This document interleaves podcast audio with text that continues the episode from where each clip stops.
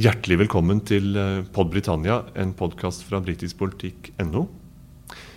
Vi fortsetter vår serie om eh, store britiske forfatterskap som har speilet og formet sin tid. I dag skal vi snakke om Virginia Woolf, en stemme som mange forbinder med likestilling, frigjøring og dyp granskning av sjelsliv og menneskets livsvilkår. Intet mindre. Det er store tema vi spenner opp, og som vi skal forsøke å, å få grep om. Jeg har med meg Kaja Skjerven Målerin, eh, bokkritiker, essayist, selv forfatter med et, et stort mangfold bak seg. Selv heter jeg Øyvind Brattberg, og vi skal sammen forsøke å gripe Virginia Woolf. We shall never surrender. The pride in who we are is not a part of our past. It defines our present and our future. The people of Scotland have spoken. England, Scotland, Wales, Northern Ireland together, taking us forward, unleashing the potential of the whole country.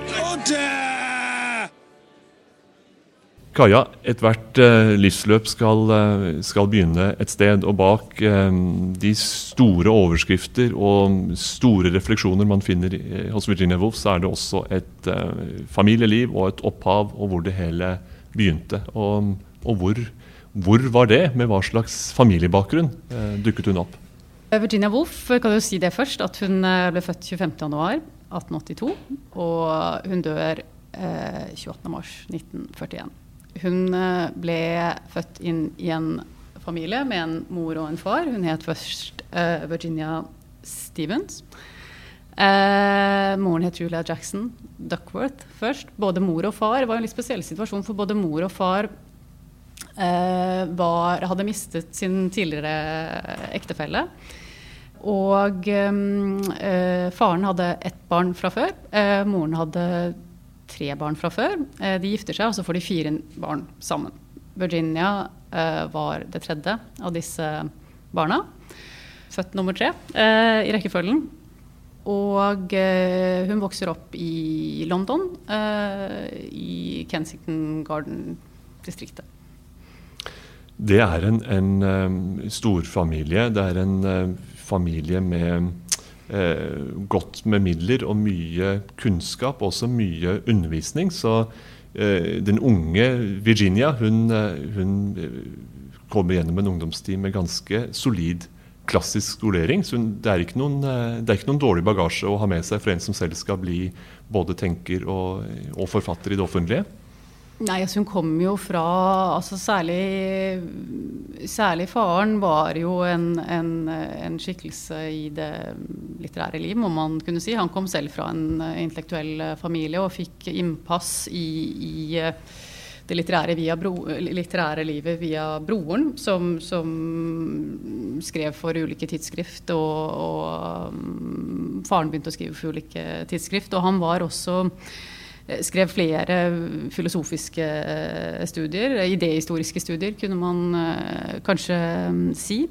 og hans første kone var vel datteren til William Thackeray, den store romanforfatteren og forfatteren bak bøker som 'Vanity Fair' og 'The Book of Snobs' og osv.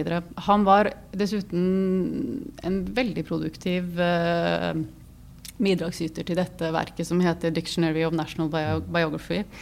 Eh, var, var, vel redaktør for det verket mellom 1882 og 1891, så det er jo et godt strekk der. Og, og redigerte vel noe sånt som 26 bind, og bidro selv med nesten 400 små biografier, tror jeg. Ikke så veldig små heller. Så han var en ekstremt produktiv eh, forfatter. Eh, selv bredt belest, og ikke minst veldig investert i, i mm, den angloamerikanske mm, romantradisjonen, 1800 som, som, jo 1800-tallet er store, det store århundret for.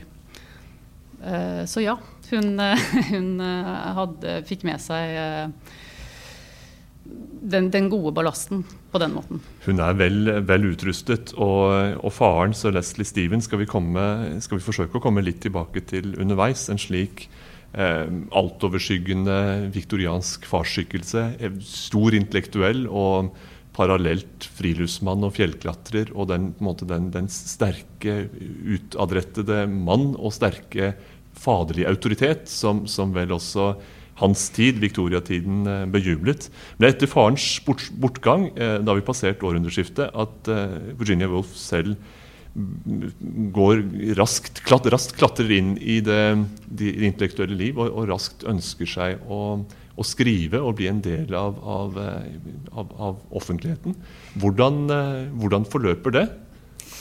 Nei, så kan jo bare skyte inn altså det, det, Faren dør vel da i 1904, er det. Og det er eh, et drøyt tiår tidligere, eller knapt tiår tidligere, ni år tidligere, så dør jo også moren. som at Dette er en ganske sånn dramatisk periode i hennes liv som kanskje er viktig å nevne fordi at det legger noen føringer på hvordan hennes intellektuelle utvikling forløper. Hun mister mange i, altså i, løpet av en tiårsperiode. så Hun er bare 13 når moren dør, i 1895. Og i løpet av en tiårsperiode da så dør altså moren, faren og, og etter hvert også broren. Og en stesøster dør også uh, i den perioden. Som at det er perioder med store tap. Uh, hun har uh, et stort nervøst sammenbrudd både når moren dør og, og senere når faren dør. Og etter at faren er død, så, så flytter hun med eh, hun og søsteren, eh, Vanessa, som siden skulle gifte seg Bell, bli hetende Vanessa Bell. Eh, det var litt ulike mannstyper hun, hun, involverte seg med, men alle tilknyttet den etter hvert så, så berømte Bloomsbury-kretsen. Men de flytter i hvert fall, de to brødrene eh, og de to søstrene, Vanessa og Virginia, flytter til Bloomsbury-området.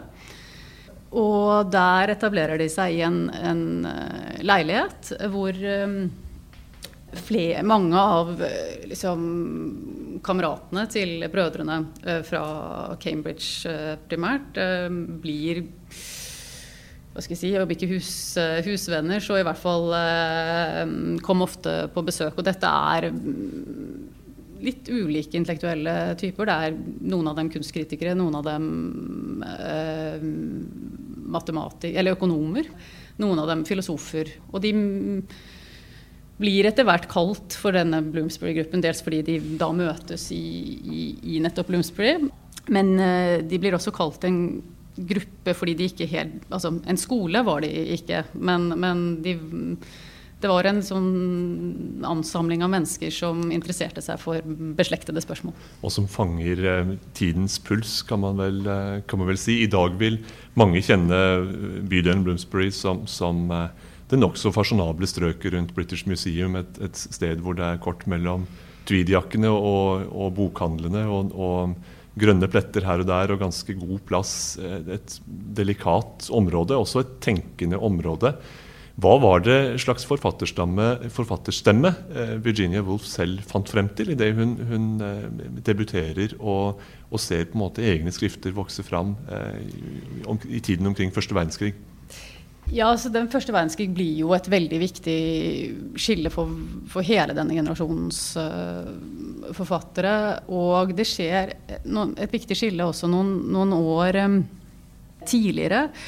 Det er jo en periode med veldig store endringer i britisk kultur og, og, og politikk i, og historie og sosialt liv i det, i det, hele tatt. Og det er vel i desember 1910 at denne for det, Noe av det denne Bloomsbury-gruppen gjorde, var at de, sant, de, ga ut publikasjoner hver for seg, og de arrangerte utstillinger. Og en veldig berømt utstilling siden da ble var i desember 1910, hvor, hvor um, var en utstilling om, om Manet og postimpresjonistene.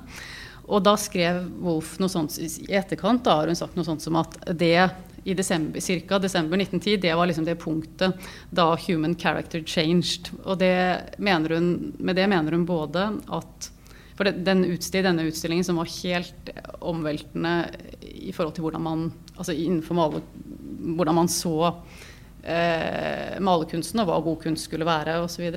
Men også sammenfaller med, med tronskiftet i, i, i, England. Som at eh, Og det hun mener at, at uh, uh, dette med at human character changed, at de som tilhører tiden før 1910, var som edvardianerne, mens de nå, den nye tiden kommer med georgianerne, som hun selv inkluderer seg eh, med, da. Og eh, hun debuterer jo først som romanforfatter i 1915. Da er krigen i full gang. Eh, hun debuterer med den boken som heter 'The Voyage Out', men da har hun allerede skrevet hun har skrevet noen anmeldelser anonymt, bl.a. for TLS, altså Times Literary Supplement. Og, og, hun har skrevet en del sånn Det ser man jo i, i et, Postumt så ble det jo utgitt seks bind med essays, seks bind med dagbøker. Og det er uendelig med brev, altså skisser. Eh, så hun har, hun har, jo skrevet ganske mye når, som essayist når hun, når hun debuterer som uh, forfatter. Og grunnen til at jeg nevnte denne utstillingen, er altså at dette med mm, impresjonismen var jo en veldig viktig altså Malerkunsten i det hele tatt var jo viktig for Bloomsbury-gruppen fordi det handlet veldig mye om altså det visuelle, altså, og, og, hvordan Hva er det øyet ser, hva er det øyet oppfatter, tidsopplevelse, hvordan fange øyeblikket. Eh, med hvilke metoder eh, gjør man det? Tid, ikke minst. Og, og hva slags motiver bylivet eh, ble viktig på en helt annen måte. At man hentet motiver fra sin egen samtid osv. Det er klart, den Debutromanen til Wolf er jo Der utfordrer hun den realistiske romanen på, på en kanskje beslektet måte ved å liksom Det er ikke en, en realistisk fortelling fra A til og altså det der tradisjonelle, realistiske narrativet. Det er liksom impresjonistiske skildringer av øyeblikk. Det er en kvinne som reiser til Sør-Amerika, ut i det ukjente, eh, og møter dette er jo også, Apropos det ukjente, dette er jo også tiden for Freud og psykoanalysen som Wolff og hennes mann Leonard Wolff eh, i dette forlaget de etablerer etter at han har kjøpt trykkpressen eh, Hogart Press. Eh, de, de, blir jo Freuds forleggere, rett og slett, i, i, i England. Som, som, slik at hun Alt dette med liksom tid, det ubevisste, hvordan fange øyeblikket, mm. bylivet, altså det moderne liv, er en viktig forutsetning for forfatterskapet. Og den, de vilkårene for å forstå menneskets eh, eksistens, så å si, i, dette, i disse nye omgivelsene, og forsterket av traumene fra første verdenskrig, den store uhyggen som ligger bak kulissene. Alt dette var jo synlige tema hos, hos, Virginia Woolf. Men så er hun jo også um, etter hvert, og da er vi jo inne i, raskt inne i 1920-tallet, noen av hennes mest kjente utgivelser. Da er hun jo kanskje aller mest kjent for vår tid som, som um, en, en talskvinne for eh, frigjøring, for likestilling, for rommet for den frie tanke, for det å kunne finne seg selv uten eh, begrensende strukturer omkring en osv. Mm. Eh, hva slags budskap er dette? Da, da, er vi jo raskt på vei i retning eh, A room of one's own, altså et, et et, et, eget rom fra slutten av 1920-tallet. Men også del, et underliggende budskap i mye av det hun skriver, som handler om, om frigjøring og kvinners frigjøring mer, mer spesifikt. Ja, ja, og den enkeltes indre frihet i det, i det hele tatt. Uh, altså, men, men, selvfølgelig primært uh, kvinners frihet og forutsetningene for å kunne tenke, altså De helt ulike forutsetningene menn og kvinner hadde for å kunne tenke, uh, tenke fritt og skape fritt, og rett og slett bare leve det livet man ønsket. eh, selv. Og det er klart at veldig mange av de filosofiske spørsmålene som Bloomsbury-gruppen var opptatt av, som f.eks. hvordan leve et godt liv, eh, hva er det gode, osv., det er jo spørsmål menn og kvinner på den tiden ville svare ganske ulikt på. Eh, og det var det jo ikke nødvendigvis alle som reflekterte like eksplisitt over. Men, men hvorfor gjør det da? Og det er klart at når hun skriver dette berømte essayet, etter hvert så berømte eh, ser 'Et eget rom', eller 'Room of One's Own', den kommer i 29, og da har hun jo da er hun jo etablert som en stor mannforfatter. Uh, hun har skrevet uh, 'Mrs. Dalloway' og 'To the Lighthouse'. og etter hvert kommer, et par år senere kommer 'The Waves'. Det er de store klassikerne som, som hun blir husket, primært husket for. Selv om akkurat det essayet der er jo virkelig gitt henne den store berømmelsen siden. Men, men, der utforsker hun jo bl.a. Hun selv tilhørte, tilhørte, jo den øvre middelklassen, eller the educated class, som hun, som hun um, kaller det ved flere anledninger. Eh, eller omtaler det selv som. Eh, og, og, noe av det hun her, her, er det jo Eller noe av det hun adresserer, jo, har jo kanskje litt med, med faren å gjøre også, fordi at hun altså det som har å gjøre med utdanning. Eh, som, altså at, at, selv kvinner fra altså kvinner som tilhører hennes klasse, som kan, som, som kan ha mye hjemmeundervisning og, og, være godt utrustet intellektuelt, får ikke mulighet til å studere. At, at, dørene ved Oxford og Cambridge er stengt for kvinner. Da. Og det er jo et sånn tilbakevendende spørsmål i, i i uh, forfatterskapet i det hele tatt. Også i dette essayet som heter 'Fri Guinness', som kommer ti år senere, eller 38, da, ni år senere. Men det er klart at det, noe av det som har skjedd, er vel at det er vel i 1918 at kvinner over 30 år får stemmerett i, i England, og som jo er, vel er en direkte konsekvens av, av krigen, kan man vel tenke. Som at noen ting har jo skjedd når hun skriver det hun skriver. Men, men, ofte er det jo sånn at selv om det skjer noen konkrete endringer i samfunnet, så, så det skal veldig mye mer til for å endre tenkemåter. Da. Og det er klart at på den tiden så var jo også fortsatt begrensningene veldig store med tanke på hva kvinner kunne gjøre og ikke gjøre.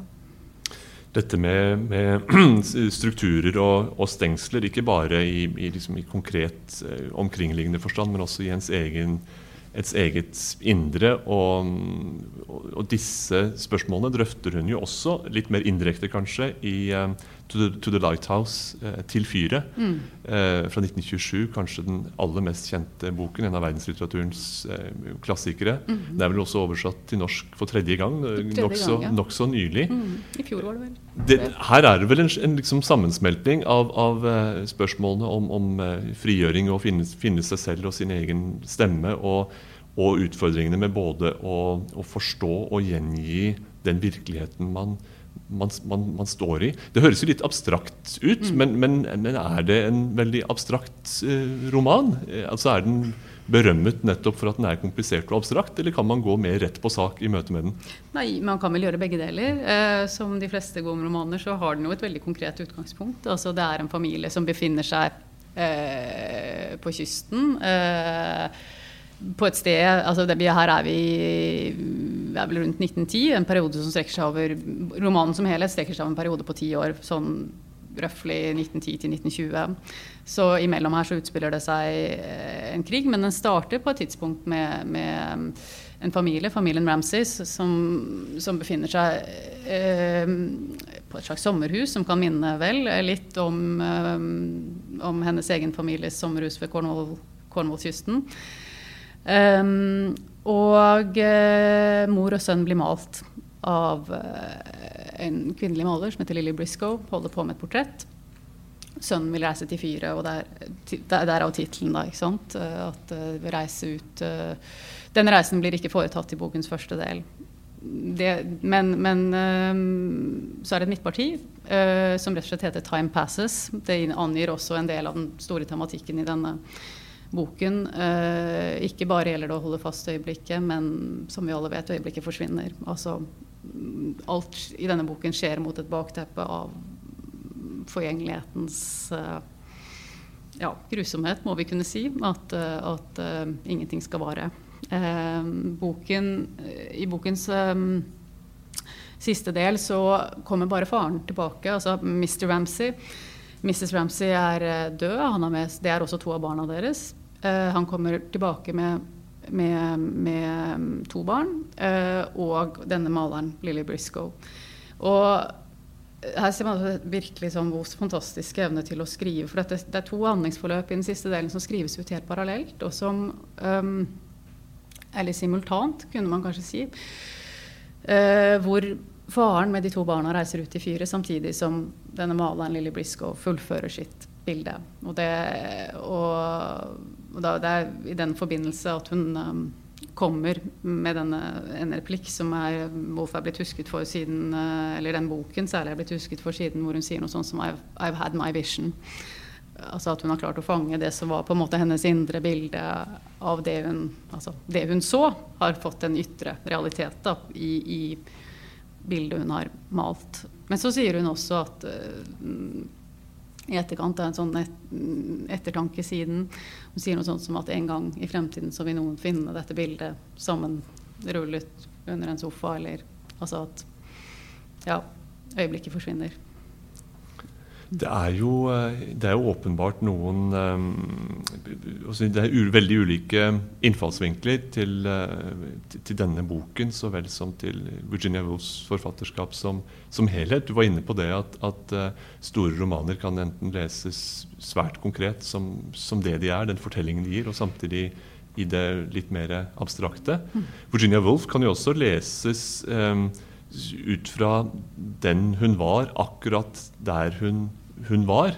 Og så er det samtidig noe eh, åpenbart universelt med veldig sprengkraft over det, over det hun skriver. Og jeg synes det var eh, det er fascinerende måten hun kritiserer sin samtids eh, strukturer og begrensninger som gjør det umulig å, å frigjøres som, som den man er. Og en del av den diskusjonen virker jo å ha kjempesterkt rotfeste i egen familiebakgrunn, i den, den, eh, den, sterke faren i en del av viktoriatidens eh, både eh, verdier og, og, og, muligheter, for den sakens skyld, fordi hun også har fått en, en, en, masse kunnskap og skolering med seg på veien. Dette høres jo ut som en debatt som hører sin tid til, men samtidig er det noe som er veldig mye bredere enn som så, og som handler om, om menneskets eksistens og muligheter i, i vid forstand. Hvordan, eh, det er et stort spørsmål, men hvordan leser man Virginia Woolf i dag? Hvordan går hun inn i, i vår tid og i møte med, med, med deg som leser, og, og, oss som lesere? Stort spørsmål, som du sier. Veldig stort veldig, spørsmål, men like fullt. Ja, ja, nei, absolutt. Jeg synes på en måte at det, det ene, har, Noe av det har vi jo vært inne på, dette med på måte, det, hun skriver om altså muligheter for indre frihet og så, og videre. Men jeg kan nevne et par passasjer, helt konkrete passasjer som jeg bare kom på mens du snakket nå. Det ene er en fantastisk fin passasje i uh, A Room of One's Own, hvor hun forteller om at hun går inn på uh, British Museum og så leter hun gjennom hyllene etter eh, liksom, ulik uh, litteratur som er skrevet. Og så oppdager hun én, det er visst bare menn som har skrevet bøker her. Og to, de skriver ofte om kvinner. Og så, og så um, sier hun noe sånt som at um, det virker som de de, de virker så, så, kontrollert, at de skriver, skriver, kontrollert og rasjonelt, og at man representerer fornuften osv., mens kvinner i klisjeen representerer det sånn følelsesstyrte, ukontrollerte sånn. Men så leser hun, og så leser hun noen avsnitt, og så alle eksemplene hun kommer med, viser altså menns aggresjon overfor kvinner. Så det hun sier at, liksom, at bak denne sirlige orden av, av, eh, av, av bøker og resonnementer råder bare et fullstendig følelseskaos. Og så kan man uh, være enig eller uenig i, i liksom Wolfs analyse av dette. Men det som er så fantastisk med henne, alltid som jeg mener virkelig, så hun er en sånn briljant tenker som kan med, med den største eleganse og selvfølgelig den mest fantastiske britiske ironi gå altså Snu helt sånn opp ned på det som, det som uh, man innbiller seg er sannheten, da. Ikke sant? Altså at hun, at hun, hun, tanke, hun har en veldig stor tankekraft som jeg tenker at uh, i hvert fall appellerer veldig sterkt til meg, og som jeg tenker at hun ja, at hun er en, fortsatt en fin tenker å tenke med, og trekker fram i ulike um, Enten spørsmålet er altså, Kvinners rolle i vestlig samfunn er selvfølgelig ikke helt annerledes i dag enn var, var på hennes tid. Veldig mye har forandret seg, men, men jeg tror jo fortsatt at, at det er altså, ting hun sier om, om makthierarkier, om, om hvor, hvor, lett at tenk, altså, tenkemåter Veldig vanskelig å endre tenkemåter, veldig vanskelig å overskue egen tenkemåte også. At veldig mange av disse strukturene sitter jo så dypt at, at det er um, fint å lese folk som får deg til å, til å prøve å se noe annet enn det du er vant til å se hver dag. da.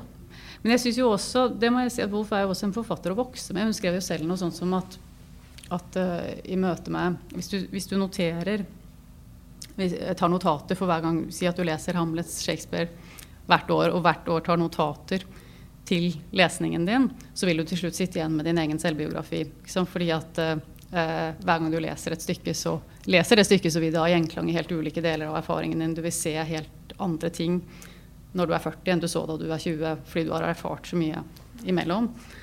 Og det er jo litt sånn det er å lese Wolf òg, at, eh, at liksom, man ser helt andre ting når man leser Wolf tidlig i 20-årene enn når man leser henne midt i 40-årene eller eller når man har blitt 60, fordi at det er et så rikt forfatterskap. Eh, så ja, breddfullt av, av skarpe resonnementer og ja, at det vil og, og det er jo bare store forfatterskap som har den evnen til å vokse med leseren, kunne man si. We shall never surrender. The pride in who we are is not a part of our past. It defines our present and our future. The people of Scotland have spoken. England, Scotland, Wales, Northern Ireland, together, taking us forward, unleashing the potential of the whole country. Order!